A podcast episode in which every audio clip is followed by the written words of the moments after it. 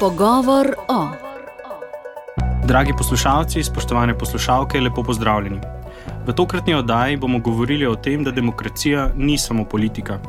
V luči prihajajočega državnega praznika, Dneva državnosti, ki ga praznujemo 25. junija, se bomo sogovorniki pogovarjali, kje vse se gradi demokracija, kaj vse so njeni sestavni deli in kako lahko k boljši kondiciji naše demokracije prispevamo v svojem vsakdanjem življenju. V studiu so se mi pridružili trije gostje: gospod Petr Mrše, novinar, aktivist in skautski voditelj, gospod Mrše je dejaven del slovenske katoliške civilne družbe in prodoren pisec za portal in tednik Domovina. Kot drugi gost pozdravljam gospoda Marka Balažica, analitika in publicista, pomembnega predstavnika slovenske civilne družbe, ki ga poznamo predvsem zaradi udejstvo, njegovega udejstvovanja pri ustavni odločbi o zasebnem šolstvu, ter seveda po njegovih pronicljivih analizah, ki jih lahko spremljamo tako na televiziji kot radiju. Ne na zadnje pozdravljam v naši sredi tudi gospoda Romana Vučanka, ki se je pred časom na Twitterju opisal z besedami: Vihtim pero, iglo in meč, občasno pomijem tudi posodo. Gospod Vučank je namreč prevajalec, publicist in urednik, ter širši javnosti znan kot predsednik Malteške pomoči in kancer Slovenske asociacije suverenega malteškega viteškega reda. Dajo bom tokrat vodil prvič Martin Nahtigan. Torej, prvo vprašanje bomo šli tokrat kar po starosti, namreč gospod Mrše, demokracija se ne ukvarja le z nacionalnimi ali mednarodnimi vprašanji, temveč naj bi se začela že v naših soseskah in vseh. Mladinske organizacije so eden od načinov, kako mladi doživljajo in izvajajo demokracijo. Kako na to področje gledate tam, kjer ste vi aktivni pri slovenskih skavtih in kakšne so aktivnosti, ki jih zasledujete v smeri večje državljanske aktivnosti med mladimi? Um, lepo zdrav še enkrat uh, z moje strani. Uh, zdaj, pri skavtih je to prisotno na, na različnih nivojih. Ne? En je čista, uh, bom rekel, um, na vzvojn videna, ne? se pravi, recimo neka zastava, ki se obesi na taboru, se dvigne vsako jutro, se zapoje uh, slovenska in, uh, himna, um, uh, potem recimo neki te našitki državni na kroju in vse to so neki te vidni znaki na vzvojn, ki, ki jih ne bi posebej podaril, ker se mi zdi mogoče bistveno bolj pomemben uh, ta vidik uh, neke uh, dinamike skupine, uh, ki pravzaprav je neke vrste vzgoja za demokracijo. Se pravi, um, ko imaš neke manjše skupine, potem neko večjo skupino, ki med sabo uh, določa pravila življenja, ki, ki med sabo funkcionira uh, po, po nekih določenih pravilih, nekih določenih načeljih, ki se jih tudi delno, lahko rečemo, demokratično uh, izberejo. Ne? Recimo neki uh, izvidniki imajo. Um, svet čete, na katerem recimo potem določijo pravila za tisto leto.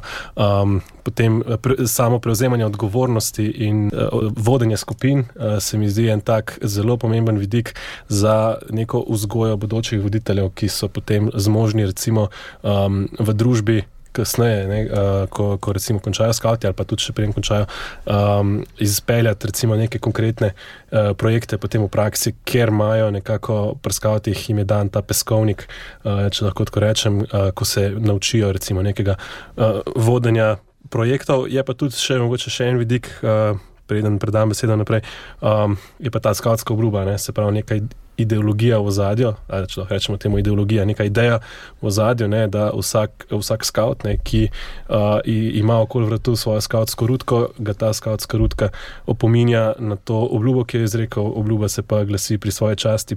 Obljubljam, da si bom z božjo pomočjo prizadeval služiti Bogu in domovini, ne, pomagati bližnjemu in izpolnjevati skautske zakone. Med katerimi je tudi eden izmed njih vezan na recimo služenje domovini. Tako da je ta um, ta vidik tudi uh, vzgojno prisoten skozi recimo, celoten proces, nekako, ki ga skavti dajo, je pa seveda zelo odvisno od tega, tudi kako potem posamezni voditelji to recimo prek raznih pogovorov in tako naprej vodijo. Uh, hvala, gospod Mrše, um, gospod Pučak in gospod Balažic. Oba sta družinska očeta z več otrok in namreč vzgoja se začne naj, najprej v družini ali v vajnih družinah. Namenjate kakšno mesto tudi pogovorom o aktualnem dogajanju, politiki, demokraciji? Na kakšen način se tega lotevate? Mogoče Marko najprej. Hvala za povabilo tudi v mojem imenu um, in za, za temo, ki je v resnici zelo pomembna. Uh, zdaj, jaz bi mogoče začel z nekim predvprašanjem. Uh, treba se najprej vprašati, kaj sploh politika je. Uh, Aristotel uh, bi dejal, da je, da je politika vse, kar nas obdaja. Uh, če to nekako uh, apliciram na, na moderni politični prostor, lahko vidite, da se rodimo in umremo v neko institucijo.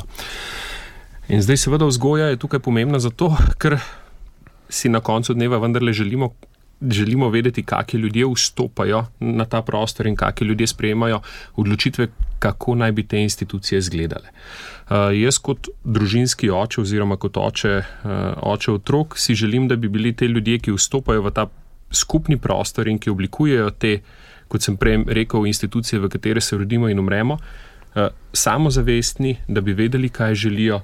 Uh, predvsem pa, da bi imeli nek občutek za tisto, kar je prav. In uh, jaz tukaj kot starš mislim, da so nujni nekateri predkoraki, ki jih moramo narediti pri sami vzgoji, če, če se pomaknemo potem na šolstvo, ker skozi poslušamo, da, da bi moglo šolstvo vzgajati naše otroke, pa temu ni tako. Uh, jaz bi rekel, da je najbolj pomembno, kar lahko naučimo starši svoje otroke, to predvsem, je, kaj je prav in je, kaj je narobe.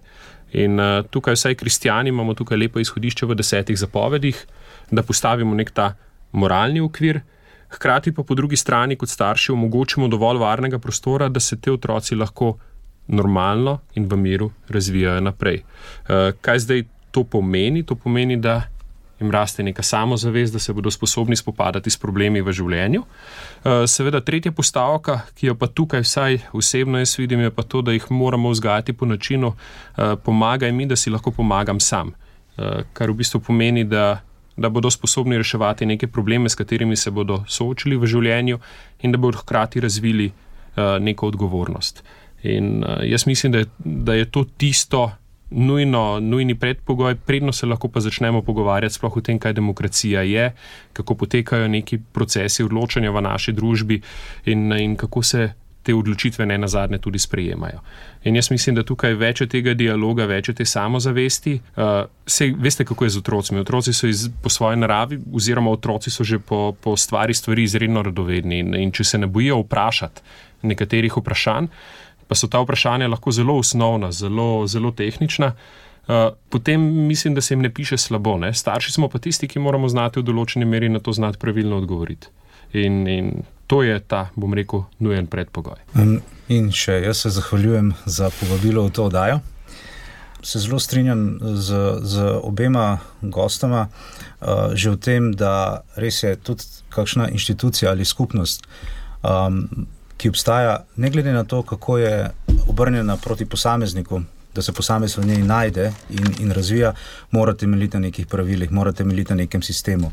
In to je to, kar je gospod Balažic tudi krasno artikuliral. Mi se rodimo v inštitucijo in, in v njej tudi umremo.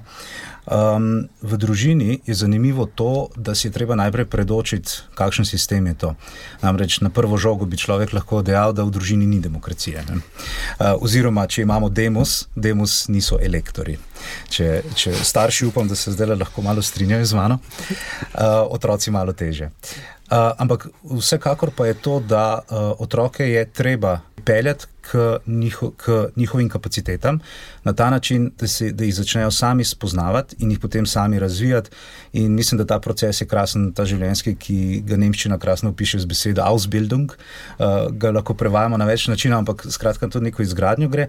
Ampak v luči tega vprašanja, tu v aktualnem dogajanju in, in politiki in demokraciji, pri čemer se spet zahvaljujem za to, da smo prebili ta let in smo rekli, da beseda politika. No naslednja beseda, demokracija, ni nujno opeto samo na to, tisto, kar aktualno dogajanje nekako povzema.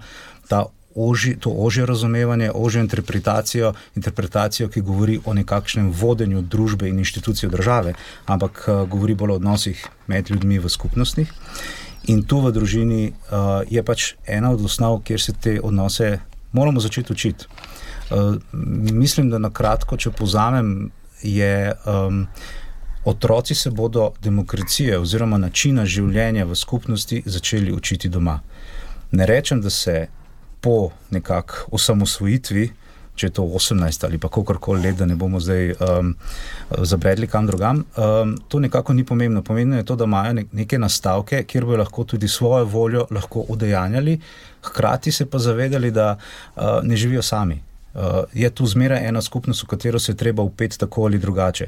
Zdaj, čisto kot konkreten primer, um, v letu uh, uh, državno-zborskih volitev je bilo treba odgovarjati na vprašanje in se spet strinjam, tu otroci so zvedavi, želijo vedeti, je zelo dobro, da jim ponudimo odgovor. Kdo je ta in ta, zato ker vidijo ime na, na plakatu. Je treba nekaj odgovoriti. Ne? In, kaj, in te odgovore se potem lahko raz, raztegnejo v, v nedogled. Obenem je pa uh, tudi tu ena pripadnost skupnosti, ne glede na to, kjer bodo živeli ali kako se bodo počutili kasneje kot ljudje, še zmeraj se mi zdi fajn, da v naši družini takrat, ko je treba, izobesimo zastavo. To je en tak konkreten primer, um, pri čemer spet ideologija ni tako pomembna. Pomembno je to, kdaj si zastave izobeša. Uh, kot član društva Heraldika Slovenija, mogoče tu spet pelje malo vodo na svoj mlin. Ampak skratka, to je ena taka, da otrokom, ki jo pove, da iz, zastavo izobešaš zase, ali, ampak tudi zaradi drugih. Recimo, to je tako konkreten uvid v, v naše družinsko življenje.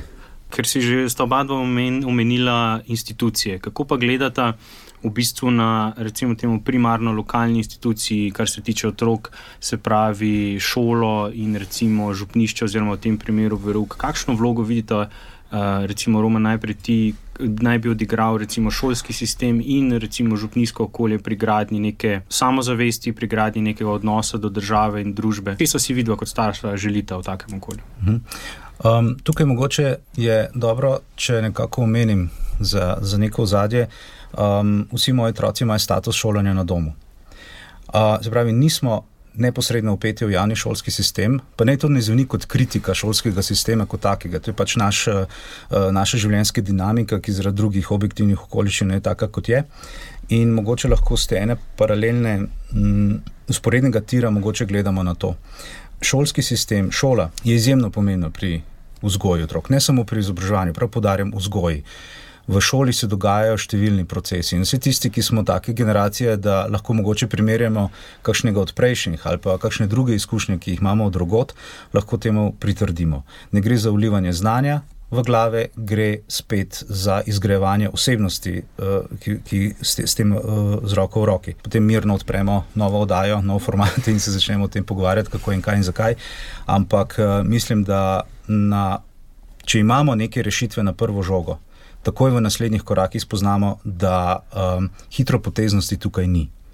Da pa zelo hitro lahko um, zaidemo in potem so to, um, ni več popravnih izpitov za neke generacije, lahko izgubimo generacije, kar se tudi lahko dogodi. To je eno tako občutljivo področje in ja, vsekakor zelo pomembno za, za družbo. Uh, človeška družba si zelo, si zelo težko privošči neke generacijske izpade, če, če tako lahko rečem. Uh, 20. stoletje je več kot zgovoren dokaz za to stvar. Uh, kar se pa župnišča tiče, kot nekega kraja ali pa nekega vozlišča, nekega drugega načina gledanja na svet, ki ni tako drugačen od, rečemo, sekularnega, samo mogoče bi rekel iz drugega zornega kota gleda na njega. Spet je zelo, zelo, zelo pomembno. Um, Veruk je pač ena stvar, ki združuje otroke, spet se bo malo pohecal v, v poskusu, da malo razbijem kakšen let. Uh, Veruk tudi nas uči o nekem sistemu, kjer je demokracija malce drugače interpretirana, kot bi si jo mogoče na prvo žogo tukaj želeli. Um, gre za, spet za doseganje največjih mej svoje lastne svobode. Tukaj upam, da bi mogoče to bil tak nastavek, da se lahko najdemo verujoči in neverujoči ali drugače verujoči ravno v tem, da iščemo meje svoje svobode, jasno pa v tem, da to nikoli ni na račun so ljudi, kvečemo v podporo in kvečemo v sodelovanju. Uh, se strinja z mojim predhodnikom. Jaz mislim, da je tukaj predvsem glavno vprašanje, ki si ga moramo zastaviti, kakšnih odnosov si dejansko želimo. In, in odvisno potem plezamo po tej šolski lestvici. Uh, na vzgor, uh, seveda, odgovor je, da si želimo, da je ultimativen cilj, bom rekel, nekih odnosov v družbi mir. Tukaj tako kot je bilo rečeno v 20. stoletju, imamo kar nekaj teh, um, teh izkušenj, kako, kako se stvar lahko zalomi, uh, če gradimo na nekem izrazito negativnem odnosu drug do drugega. Ne? In zato jaz mislim, da, da naloga šole oziroma naloga izobraževalnega sistema kot takega je, da da ne samo da upravi to socializacijo na nek, bom rekel, pozitiven način, eh, da ljudi uči, eh, da probajo gledati na stvari pozitivno in da, da predvsem te spore, ki se pojavljajo med njimi v tem procesu socializacije, rešujejo kar se da pozitivno ampak da po drugi strani omogoča pa ravno te talente, o katerih smo prej govorili, da se identificirajo nekje v, v oži družini in da jih začnemo starši pri otrocih, ko jih opazimo in začnemo razvijati, da vendarle spravi na neko višjo raven in da, da se začne v bistvu ta proces brušenja. Uh, vemo, kako je s tem. Starši, starši, načeloma pri naših otrocih, lahko ugotovimo, zakaj so dobri, uh, lahko vidimo, lahko jih delno usmerimo v neko smer, ampak če bodo pa te otroci želeli za res razviti te zadeve, so jim dane, pa morajo iti na vzven, morajo iti v družbo, morajo iti vem, v glasbeno šolo ali pa kamorkoli drugam. Ker, in to je potem naša naloga, da jim damo to podporo. Oni se pa brusijo, brusijo, brusijo. In enako je z vsemi praktično temi lastnostmi, ki jih imajo in z odnosi, ravno o katerih sem prej govoril brusijo se skozi proces socializacije. In šola, vrtec najprej šola in vse kasnejše oblike šolanja so v bistvu ta vrsta socializacije in poglabljanje teh zadev. Uh, pa seveda, če vse poteka tako, kot je treba, tudi gradnja samozavesti, zato da dobimo uh, iz šolskega sistema neke koherentne, samostojne, razmišljajoče uh, posameznike, ki v resnici vejo, kaj hočejo. Zdaj, če, če če zdaj rečem, to je neka moja idealna slika sistema, kako bi moral izgledati. To je tudi ena izmed motivacij tega, zakaj smo se lotili tiste ustavne odločbe v zasebnem šolstvu. Ravno v tem, ker ta razkorak se mi zdi pa, da še vseeno med tem načinom izobraževanja, ki smo mu zdaj priča. Uh, kjer lahko rečemo, da je marsikdo prepuščen samemu sebi, da, da ni razvoja samozavesti, ampak da, da gradimo predvsem na, da gradimo samozavest na načelu tega, kaj, koliko kdo zna se naučiti neke materije na pamet, je pa mogoče mal napačen pri, eh, princip. Uh, spomni se nekega intervjuja, ki smo ga imeli z Škofom Stresom, uh, ko smo se pogovarjali o, bom rekel, katoliškem šolstvu tukaj. Uh, Ker ravno sedimo na radio ognišče, in je dejal, on nam je dejal, da največja največja pridobitev katoliškega šolstva je ravno v tem, da, da pri vzgoji pri teh mladih posameznikih nek dru, drug tip samozavesti, nek drug način gledanja na stvari, ki je lahko bolj pozitiven. In jaz mislim, da, da to je naloga šolstva kot takega. Zdaj, kje smo, je seveda nagradno vprašanje, če temu tako rečem. Uh, jaz sem tudi en, eden izmed tistih staršev, ki otroke v zasebno šole, to se pravi v zasebne šole, ki izvajo javno veljavni program, uh, ravno zaradi mogoče teh strahov ali pa teh uh, razkorakov v dojemanju, ki sem jih prej omenil. Uh, če se pa navežem tukaj še na drug del vprašanja, to se pravi verug, uh, oziroma bom rekel družbeno delovanje znotraj cerkve ali pa družbeno učenje znotraj cerkve. Pa bom tukaj mogoče najbolje to opisal za eno prispodobo. Uh, jaz mislim, da je to izredno pomembno, da se naučimo te vrednostne podstati, bom rekel, civilno-družbenega okolja, iz katerega prihajamo. Da, da si znamo odgovoriti na neka temeljna vprašanja, uh, ki se nam porajajo skozi, skozi odraščanje, skozi rast in kasneje, tudi ko smo odrasli. Uh, zdaj, recimo, nedavno smo imeli v, v Ljubljani predavanje Jordana Petersona in v bistvu vprašanja, ki jih je on odpiral, recimo potem po evalvaciji, ki, ki smo jo počeli, mislim, da bi mogel odpreti v bistvu vsak nek normalen verug ali pa vsaka neka druženje, ki ima neko vrednost na podstat in iskati vprašanja tam. Ne. Kar v bistvu tudi pomeni, da, da je tudi to eno izmed področji, kjer, kjer smo mogoče rahlo zašli, ali se pa mogoče ta naloga tega izgubila.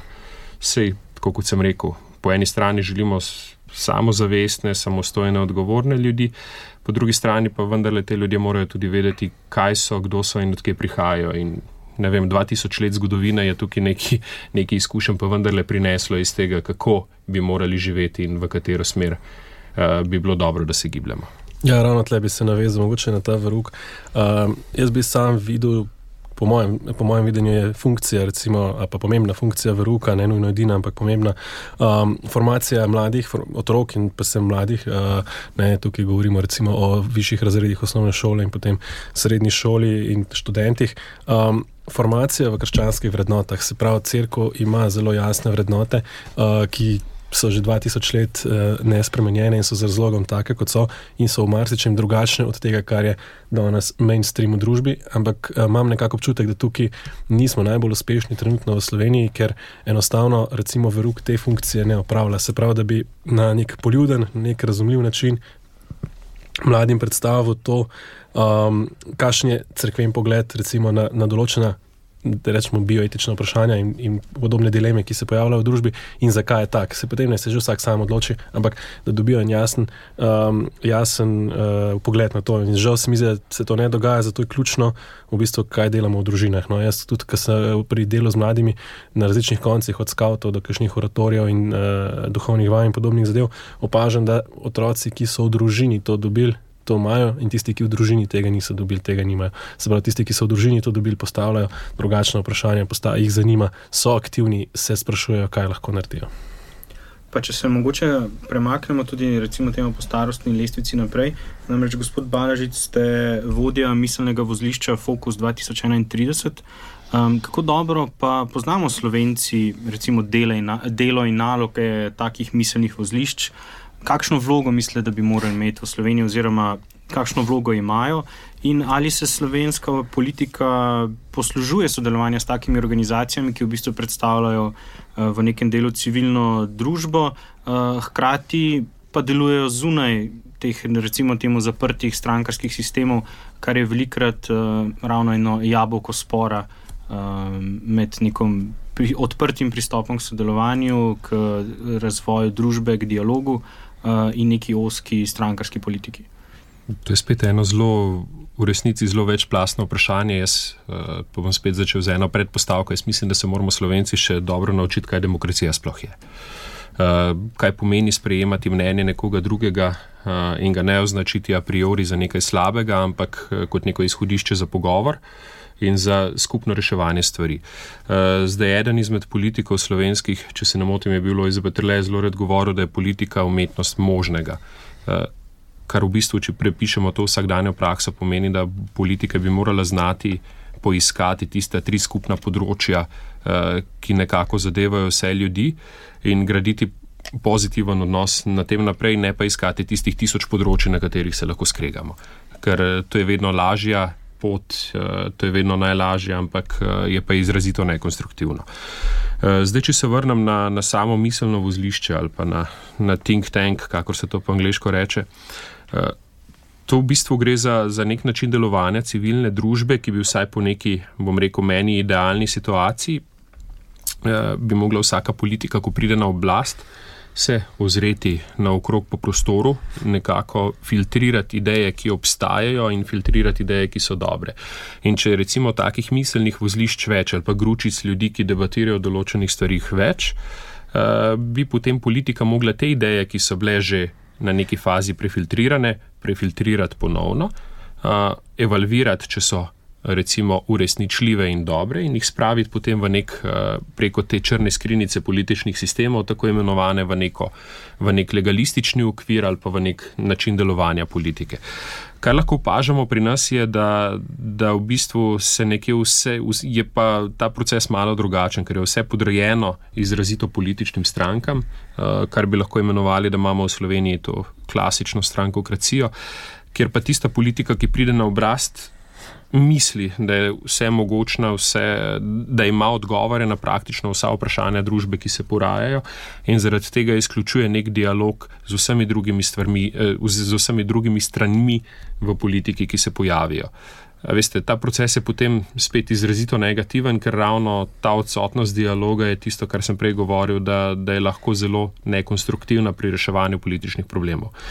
In uh, zdaj, če se vrnem ali pa če probujem zaključiti. Uh, to celotno misel, da ja, naučiti se moramo, kaj je demokracija, naučiti se moramo spoštovati mnenje drugega. Um, in pa še ena taka lušna prigoda je, še moj zase potreboval 40 let, da je popeljal izvoljeno ljudstvo skozi puščavo, uh, Slovenci imamo demokracijo pa šele dobrih 30 let. No, hkrati pa Slovenci že pregovorno desetletja, oziroma lahko rečemo stoletja, slovimo kot narod, ki si je sposoben eh, pomagati v bistvu sam, oziroma drug z drugim, kadar je pomembno, kadar um, je ključno, stopimo skupaj. Tako je eden izmed pomembnih vidikov dejavnega družbenega življenja tudi pomoč drug drugemu, skrb, humanitarnost. Malteški viteški red je tukaj eh, zgled delovanja. Pred kratkim ste se, gospod Vučank, celo vrnili iz Ukrajine. Eh, in kot rečeno, slovenci pregovorno veljamo za narod, ki v stiski stopi skupaj. Eh, tudi vi delite to mnenje in kako vidite ta slovenski odnos do humanitarnosti, do pomoči drug drugemu, ter hkrati neko prisotno nezaupanje do recimo temu centralno organizirane humanitarnosti. Gre tukaj zgolj za nek. Prenesen odnos do, tudi do politike, kajti vemo, da Slovenci smo pregovorno, koliko smo humanitarni, pa hkrati tudi skeptični do politike na drugi strani pravzaprav bi lahko v odnosu do um, želje po pomoči šipkejšim človeku v stiski uh, slovenski prostor označil za pozitivnega. Uh, ne samo na ravni pobud, se pravi, videti stisko, ampak tudi na ravni reakcije, uh, tudi zelo se potruditi to stisko pomagati lajšati ali celo odpraviti. In kar se tiče poti v Ukrajino, ker so ravno bila sopotnika, uh, mislim, da, da, da tudi vi razumete, o čem govorim.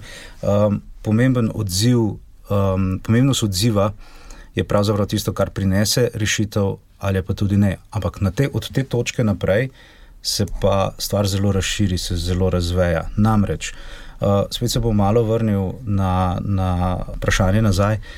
Tudi pomoč sočloveku je praktično uh, najboljša, kadar je nekako kanalizirana. Uh, če uporabim težko besedo, institucionalizirana. Iz preprostega razloga človek, posameznik, ima pač neko določeno perspektivo, ki je posamezniku dana in znotraj te lahko vidi in reagira na pravo stvar. Onkraj te pa ne more več. In tu je potrebno združevanje več takih ljudi, več takih posameznikov in presto že imamo inštitucijo, ne, ki jo treba nekako urediti, uravnavati in, in pač speljati, speljati cel aparat, uh, ki stoji za tem. Um, Nezaupanje do inštitucij je ena taka um, neokrotljiva žival, bi človek rekel, um, kot je praktično vse, o čemer se lahko pogovarjamo danes. Vse je lahko uh, predmet nekih kontroverznosti, uh, lahko je predmet nekih polemik, pa to vzamemo lahko sodobne interpretacije pa, ali pa staro grške, ne, kam lahko pripelje polemika uh, in tudi marsikdaj se to tudi naredi. Slovenskim odnosom do pomoči šibkega ni, ni takih težav. Zakaj pa smo mi na neki točki, se nam to ustavi in so kakšne druge stvari bolj pomembne, na mesto še večjega združevanja, uh, kot se bi v angleščini rekli, pooling resources in, in imeti en večji učinek za tiste, ki, ki pomoč potrebujejo. No, to je pa zdaj, uh, bom ukradel izraz nagradno vprašanje odprej. Um, gotovo je tukaj potem na neki točki se potencirajo interesi in, in tako dalje. Um, ne, če že omenjamo malteški red, uh, je tu ena gotovo en benefit tega, je, da je malteški red v svojem 900 letih. 900-letnem obstoju že praktično videl veliko stvari, doživel veliko stvari in tudi tako stvari doživel. Um, da, zakaj se moramo na vsake toliko, praktično vsako generacijo, znova pojasnjevati, da v pomoči šibkemu ne smemo videti konkurence med raznimi organizacijami, inštitucijami, kaj šele ljudmi. Um, to je ena stvar. Druga stvar pa je, da se zmeraj znova moramo priučiti, kar je, se vračam, mogoče uh, stvar kurikuluma v družinah ali pa v šolah ali pa v, v župniščih pri veruku ali kjerkoli skupini je, da uh, človek človeku lahko pomaga, ne more pa človek človeka rešiti.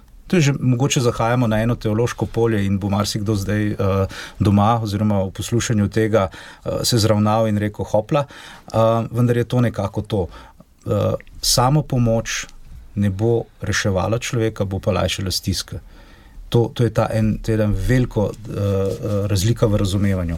In zato tudi, recimo, če govorimo o demokraciji in govorimo o nekem sobivanju ljudi, se moramo zavedati, da mi pravzaprav ne pripeljemo družbe do njenega razvoja v končno obliko, ki bo popolna, ampak vodimo iz generacije v generacijo, kjer poskušamo izboljševati stvari naša perspektiva, eh, generacijska perspektiva, vidi pač določenega horizonta, ampak tam se razvoj družbe ne neha.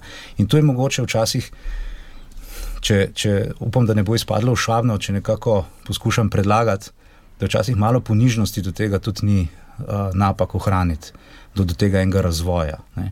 In uh, mogoče se ponižnosti tudi največkrat lahko učimo pri raznih procesih, kjer se pomaga šipkejšim, zato ker sami hodimo zmeraj na, na, na meji tega, ko sami potrebujemo pomoč. Odbanažic. Ja, mogoče ena replika, me, kjer me je misel mojega predhodnika nagovorila. V bistvu prihajamo tukaj do ključnega vprašanja, kakšna je vloga države.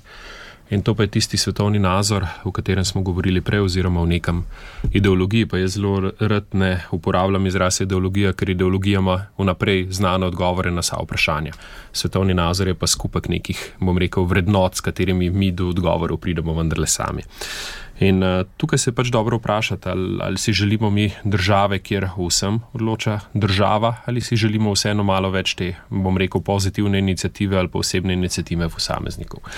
In to je tudi eno izmed vprašanj, ki si ga v Sloveniji praktično nismo odgovorili. Če se če preizkočim tukaj na, na raven socialnosti, ne, mi, mi se vsi znamo pohvaliti, da imamo super delujočo socialno državo, uh, vendar pa nekako manjka, kaj je namen te socialne države je namen socialne države, da država priveže na ljudi nas, da niso sposobni poskrbeti zase. Ravno v tistem v duhu tega, kar smo prej govorili, pomagaj si in pomagal ti bom. Ali je naloga socialne države res, eh, res ta, da nekoga ujame eh, s tako imenovanim, s to, s tako imenovanim safety netom v angleščini oziroma z mrežo, eh, ga zaniha in ga vrže nazaj v družbo, da je ta človek spet sposoben poskrbeti zase. To je ena izmed stvari, ki, ki jih jaz vsaj veliko krat v, v slovenskem političnem diskurzu kar precej pogrešam. Seveda, izuzeti so tisti, ki si sami ne, moram, ne morejo pomagati in mora, moramo zaradi že naše človeškosti oziroma zaradi naše odgovornosti pomagati sami. Uh, seveda, potem tukaj hitro pridemo do naslednjega pojma, ne, ki je pojem lažne solidarnosti. Ne. In to je ravno to, uh, jaz bom rekel, učenje za odgovornost in učenje za neodgovornost. In jaz mislim, da je neka tudi razvoj oziroma učenje za demokracijo, je tudi učenje tega, da znamo do vseh teh, bom rekel, nekih ključnih procesov, ki se dogajajo, zauzeti neko stališče. In uh, to je mogoče še nek moj dodatek k temu razmisleku prej. Najlepša hvala. Pomembno, pomembno urodje ali pa pomembna pomoč pri izoblikovanju stališč v moderni družbi pa imajo seveda mediji. Um, gospod Mrše, kot novinar, ste vsakodnevno v stiku s političnim diskurzom, uh, s politiko in uh, predstavljate pomemben element v demokraciji, namreč medijski element, ki ga nekateri imenujejo celo četrta veja oblasti. Uh, kako gledate na, na svojo vlogo kot novinarja, kot medij?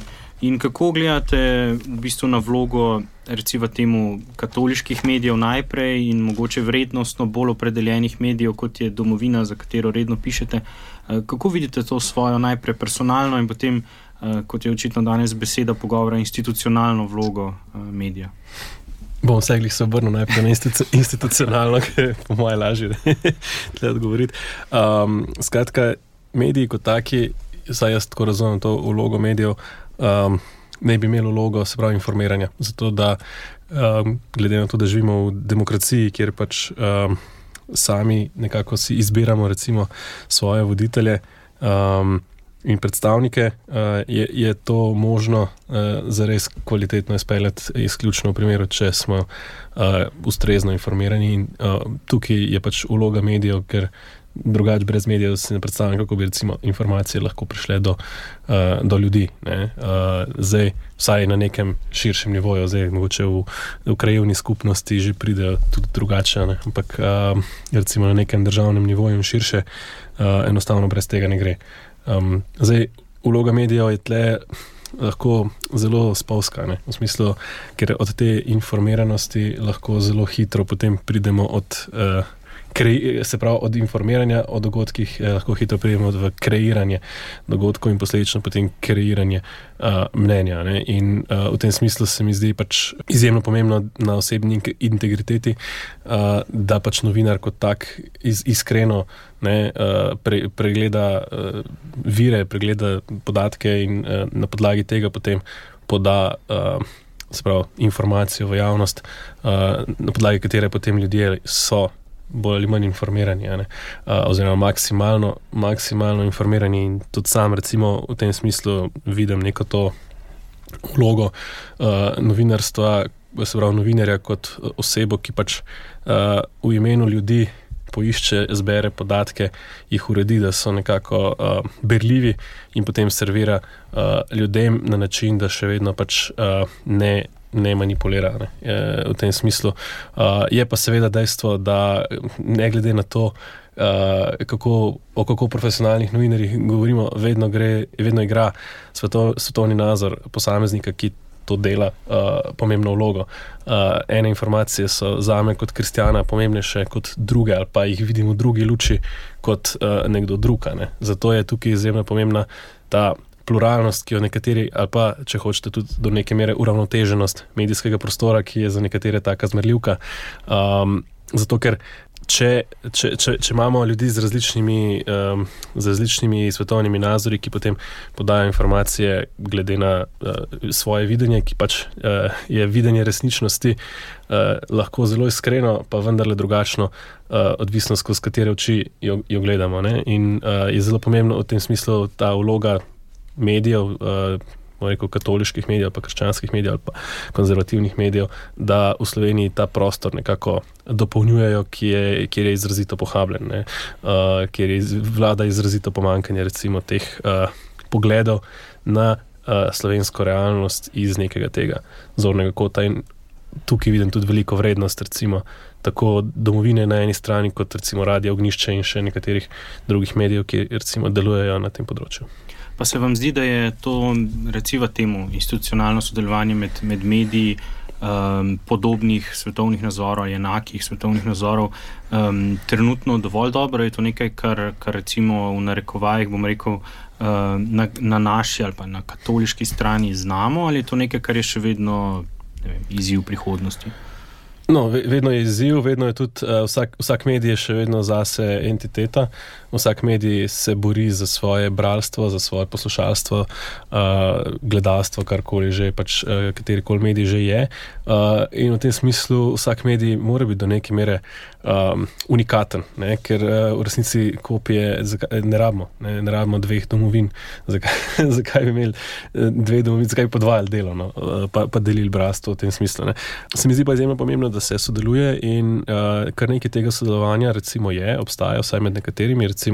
Radio Ognišče je recimo, skupaj z domovino letos uh, pripravil dve predvolilni soočeni ne, in smo uh, na ta način recimo, združili moči in ponudili javnosti, recimo, dosegli bistveno večji uh, doseg javnosti, na drugi strani verjetno pridobili više goste, kot bi jih lahko morda sami ali pa vsak, vsak zase, ponesli to sporočilo dlje. Tudi sicer recimo pri, pri rednem delu se večkrat recimo, recimo, prihaja do kakšnega sodelovanja, zdaj vedno, vedno so priložnosti za, za, za izboljšave, ampak trenutno ne vidim problema, recimo, da, bi, da to ne bi bilo, da ne, ne bi bilo funkcionalno, da bi si ne vem, kaj bi rekel, nagajali.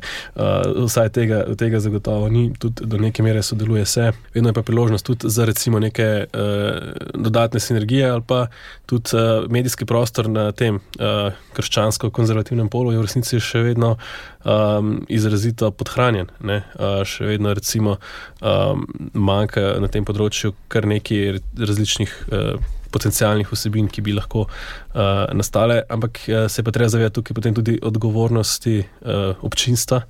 Ne, da, če se na mediji, recimo, enostavno ne naročimo, oziroma ga podpremo drugače, odvisno kako pač posamezen medij funkcionira, ima naročnino, ima podporo, recimo, kot je to na radio, ne, potem enostavno ne moramo pričakovati, da bomo imeli medije, ki bodo poročali iz našega zornega kota, oziroma ki bodo v obzir uh, ne, uh, pri poročanju imeli tudi vrednote, ki jih zagovarjamo, ker enostavno pač um, brez tega, um, da je neka materialna osnova, tudi uh, ne gre. Ne. Gospod Balažic, veliko krat vas vidimo pred kamerami.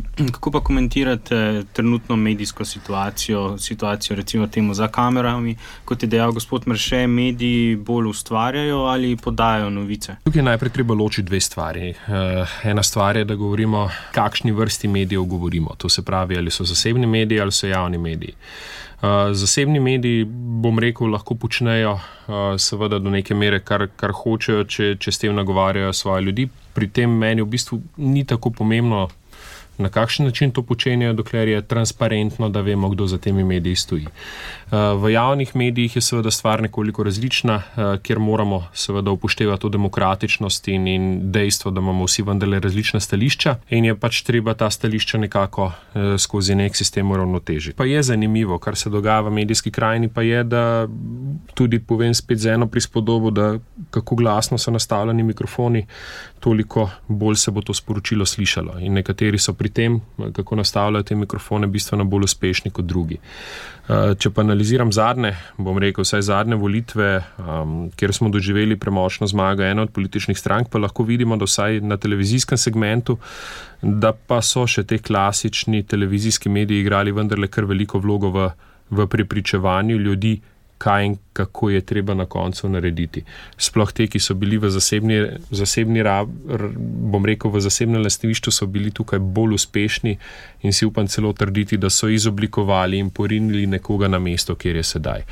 Je pa seveda, gled, tako kot povsod v življenju, tako kot povsod v, če je zdrava konkurenca, uh, lahko vsi skupaj rastemo. Če se pa tukaj v bistvu to konkurenco na nek način izkrivlja, kar imamo seveda spet v Sloveniji velike probleme s tem, sploh če gledamo same oglaševalske pogače. Uh, pa naj ponazorim s tem, da recimo za Pop TV se neuradno govori, da, da naj bi uh, prejel 75 odstotkov vsega oglaševalskega denarja v Sloveniji, uh, potem vemo, kje smo. Uh, monopoli nikjer niso dobri in, in če bi nam sistem, če bi nam demokracija delovala kot taka, bi po eni strani lahko institucije v državi nadzirale, da do monopolov ne bi prihajalo, po drugi strani bi pa seveda te mediji lahko upravljali ne samo vlogo informiranja, ampak tudi vlogo nadzora oblasti kot take. Uh, jaz sem zmeri rekel, če, če, sem, če bom v vlogi politika, si želim, da so dobrih medijev, ki bi mi gledali pod prste. In zdaj, seveda, kako priti do tega sistema, pa seveda neko, neko vprašanje. Ampak jaz mislim, da mediji lahko uh, upravljajo neko pomembno vlogo v, v sistemu zavor in ravnovesi, ampak seveda pod načelom enakopravnosti oziroma tega, da pravila velja za vse enako. E, tu se imamo pa še nekaj stvari vendarle za naučiti. E, gospod Vučank, vaše delo je povezano z drugim vidikom, recimo tega medijskega sveta, knjigami, z knjižnim programom, s publiciranjem. Kakšna je vaša ocena tega, recimo temu sektorju v Sloveniji in Kako pomembna je bralna kultura za stanje demokracije v določeni družbi, državi, ki smo tukaj v Sloveniji? Tukaj se bom drznil, mogoče zajeti v eno, v en nišni odgovor. In mogoče ne bom tukaj ponudil odgovora, ki bi ga kdo želel slišati. Namreč ločil bom neko krajino, kar se tiče knjig, križ, knjižnega materiala, od uh, založništva. Založništvo je bom kar rekel, svetovni problem. Mislim, da nikoli ni bilo več naslovov izdanih in nikoli ni bilo večjega monopola, če se ponovim to uh, besedo. Kot, kot ga imamo danes, to je naš moderni svet, je včasih svet paradoksov.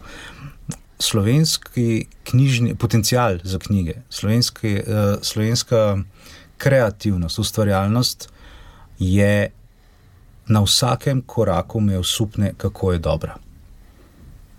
Če rečem dobro, to ne pomeni, ne, eh, prosim, ne tega slišati, da če rečem dobro, da to pomeni bestsellerji, knjižni naslovi, ki se bodo prodajali in občinstvo bo to kupovalo. Tle se zelo, zelo strinjam uh, tukaj s predhodnikom, da je zelo pomembno mediju, in tukaj pač je knjiga tudi medij za ideje, v nekem širšem pomenu, je treba omogočiti, da ta medij sploh lahko obstane, da, da obstaja v svoji fizični obliki in da distribucija za njem stoji. Ne? Če knjiga uh, je uh, zaprta v enem izvodu, uh, Potem, da jim ne biti tako kot menihi iz enega romana Uberta Eka in ne, ne hodimo z odprtim ognjem tja. Sicer pa uporabljamo drugo tehnologijo in širimo te ideje. Uh, Uh, skratka, če rečem dobro, to pomeni, da je ustvarjalnost re, ne samo večplastna, ampak zmeraj nove plasti se izumljajo, odkrivajo in razvijajo. In tudi imamo ljudi, ki znajo to uh, iz svojega uredniškega ali pa jezikoslovnega um, vidika tudi znati to opaziti uh, in podpreti. Sveda, nič ni popolno in veliko idej tudi nekako ne, ne pride do te faze, to, to je pač treba sprejeti. Um, ali je to dobro ali slabo, se bom zdržal te, te, te ocene. Pa tudi na knjige ne bi gledal, da morajo uh, zmeraj ciljati na eno že obstoječo. Uh, že obstoječe občinstvo. To je tudi nekaj, kar bi si želel več videti, da nekdo lahko preseže ta način gledanja. Razumem, knjigo, ki se jo natiska, se jo natiska zato, da se jo lahko proda ali pa umesti. Ampak včasih je ta krok preveč premajhen, včasih je ta krok preveč sklenjen in uh, bi si želel nekoga, ki zna to tudi mogoče malo razbiti, ampak spet pa sem ravno kar rekel, da ne bomo zelo žinšu govorili. Uh, všeč mi je, kako samozavesten je lahko avtor, avtor, avtorica v procesu ustvarjalnosti. To je nekaj, kar bi recimo jaz svetoval vsakemu staršu, da svojega otroka, spet se vračam nazaj, svojega otroka podpre v pisanju. Pisanje je nekaj, kar je. Kar je Dejansko tisto potegne ven. Je tudi, mislim, da uh, neuroznanost bi se mogoče lahko strinjala, kakšna pomembna stvar je to.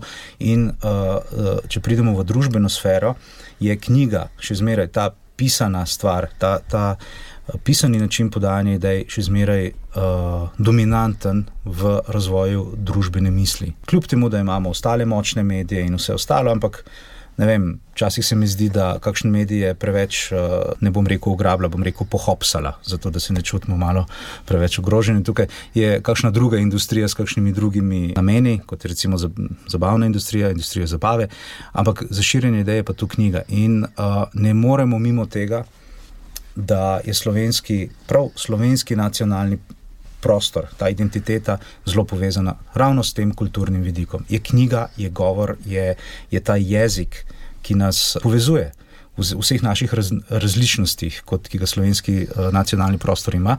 Uh, in spet, želel bi si to tudi videti v slovenskem političnem nacionalnem prostoru. To je ena večja povezanost in tu je ta knjiga dobesedno prostor, kjer lahko človeka lažje prebereš ne, in, in, in mu to omogočiš. Zdaj, to je, vem, za marsikoga je to precej naiven pogled na stvar. Malo odmaknjen od neke realnosti, malo odmaknjen od nekega tega um, delanja v tem, kar je možno, iskanje rešitve v možnem. Ne.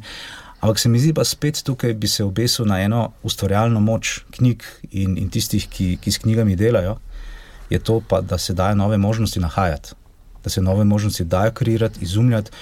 Včasih kakšna ne pade ravno v svoj čas je včasih prepozna, včasih prezgodnja, ampak, ampak vseeno stvar, stvar uh, se giba in uh, čim manj linearnosti za ta prostor, se pravi, knjiga je zate in tvoja knjiga bo zame in tukaj sva sklenjena, uh, nekako bo lažje.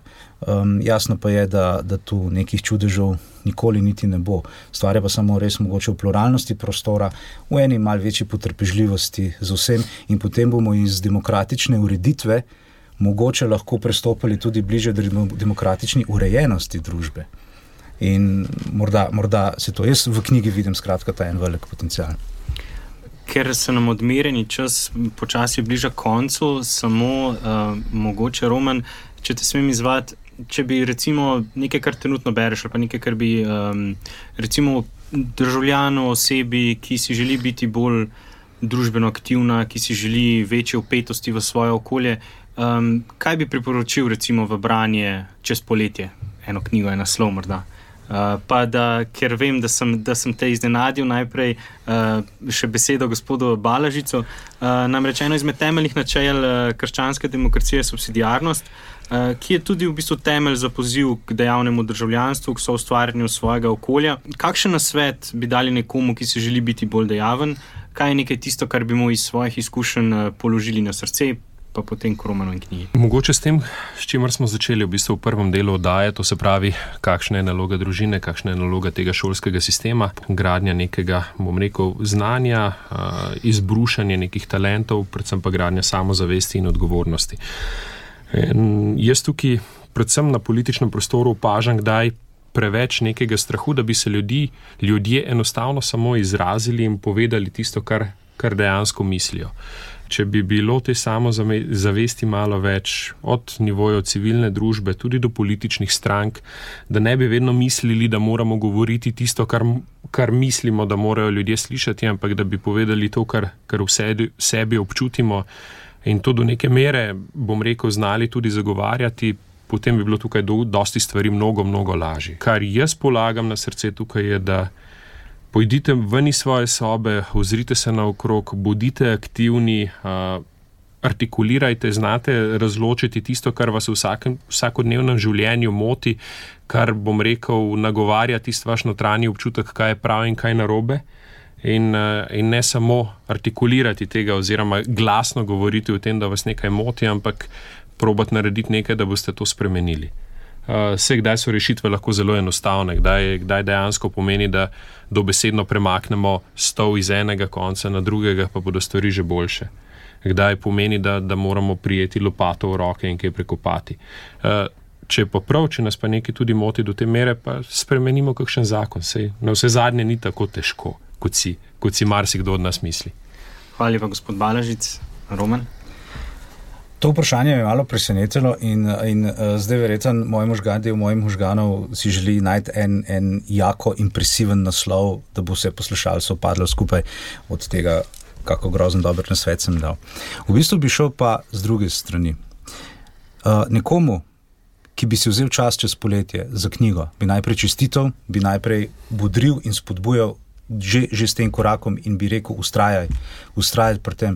Vzemi knjigo, ki te uh, ob kateri ne boš zaspal v tem svojem prepričanju. Vzami knjigo, ki te malce izzove. Vzami knjigo, ki te bo malce popeljala. Na neko paralelno pot od te, na kateri si, um, uh, kjer si državljan Miha, če se malo, če malo tukaj vzamem en, en, en zelo um, nedavni prispevek. Ni va, žanr tukaj ni pomemben. Žanr je ogromno. Zaradi mene vzami Tadeja Goloba, ki je jako dobre kriminalke piše. Zaradi mene vzami kakšno uh, knjigo, um, ki, je, ki je take ali pa drugačne sorte, uh, ali roman, ali pesniška zbirka. Še posebej pesniška zbirka, če nikoli pesmi nisi bral in probaj se prisiliti prije do konca in vključi svoje možgane, probaj ali razumeti, ali čutiti, kaj je. Zato, ker z vsako prebrano knjigo odkrivaš stvari v sebi. Ni knjige, ki ti bo um, rešitve samo naložila in dobiš recept. Take knjige. Mogoče ta, pred takimi knjigami se je treba mogoče včasih malo bolj uh, zaščititi, jih se malo bolj opremiti in jih tako sprejeti. Zato um, za počitniško branje ne rečem lahkotno branje. Za počitniško branje izberi nekaj, kar te bo izvalo, kar bo izvalo tvoje občutje, tvoje misli in v tem boš rasel. Um, tako, prej sem omenil Umberto Eka, Umberto Eka je car, vzamete Umberto Eka. Čudovito. Uh, začeli smo z mladimi in bomo tudi zaključili. Uh, gospod Mrše, če smo prej rekli gospodu Balažicu njegov nasvet, kaj si pa vi želite oziroma Eh, bi rekli mladim, ki recimo po nekaterih analizah, anketah postajajo vedno bolj dejaven del družbe, vedno večji aktivisti, recimo temu. Um, kaj si vi kot mladinski voditelj želite recimo temu doseči pri svojem delu z mladimi, oziroma kaj bi njim uh, rekli tistim, ki si želijo biti dejaven del družbe? Biti samo dejaven uh, po eni strani ni dovolj, zato ker uh, ta dejavnost se lahko hitro obrne tudi v neko destruktivno smer. Se pravi, uh, poleg tega, da si dejaven, kar je predpogoj, je važno tudi, v katero smer si dejaven. Se pravi, uh, da tak mlad ne dobro premisli, katero je tisto področje, na katerem bo dejaven uh, in kaj želi s tem doseči.